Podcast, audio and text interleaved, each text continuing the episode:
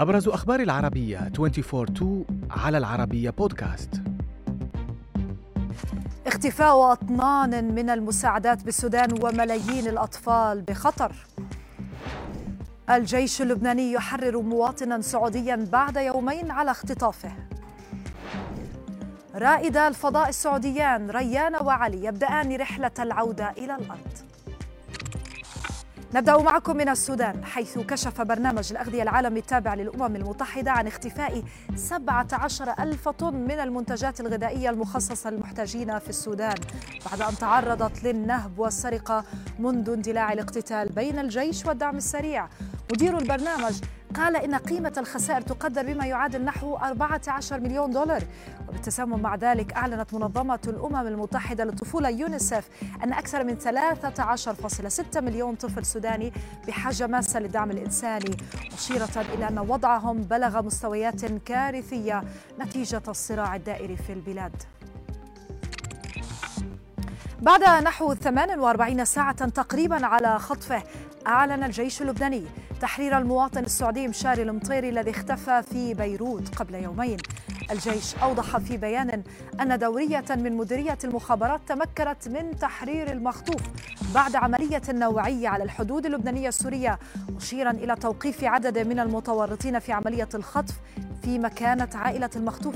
قد تلقى اتصالا من رقم هاتف طالبه فيه طالب خاطفوه بمبلغ 400 ألف دولار لقاء تحريره. بعد عشرة أيام على استكشاف الفضاء وإجراء التجارب العلمية اختتم رائد الفضاء السعوديان ريان برناوي وعلي القرني مهمتهما في محطة الفضاء الدولية وبدأ رحلة العودة إلى الأرض. هيئة الفضاء السعودية بثت مقطعا مصورا على تويتر يظهر اللحظات الأخيرة في محطة الفضاء بعد انتهاء المهمة العلمية لرائدي الفضاء السعوديين فيما بدأ دراغون المركبة التي تقلهما وزميليهما الأمريكيين بيجي ويتسون وجون شوفنر رحلة العودة التي تستغرق نحو 12 ساعة قبل الوصول إلى المياه. وإلى عالم التكنولوجيا هذه المرة حيث من المتوقع أن تطرح شركة ميتا نظارتها الذكية كويست 3 بتصميم مختلف ومزايا جديدة. سيتم ذلك في مؤتمر الشركة السنوي للواقع المعزز والافتراضي المقرر عقده في أكتوبر المقبل. وكالة بلومبرج ذكرت أن الجيل الجديد للنظارة سيكون أكثر تطورا أخف وزنا وفيها مستشعر الوان دقيق يتيح للمستخدمين القدرة على رؤية ما حولهم بشكل طبيعي. والتفاعل معه دون الحاجة لخلع النظارة وهو ما كان مستحيلا في الجيل السابق من كويست 2 نختتم معكم من هذا الخبر اللافت الذي شهدته الأراضي الفلسطينية وضج به التواصل الاجتماعي حيث أعلن الشاب يدعى عمار عابد زواجه بعد عشرين عاما من خطبته.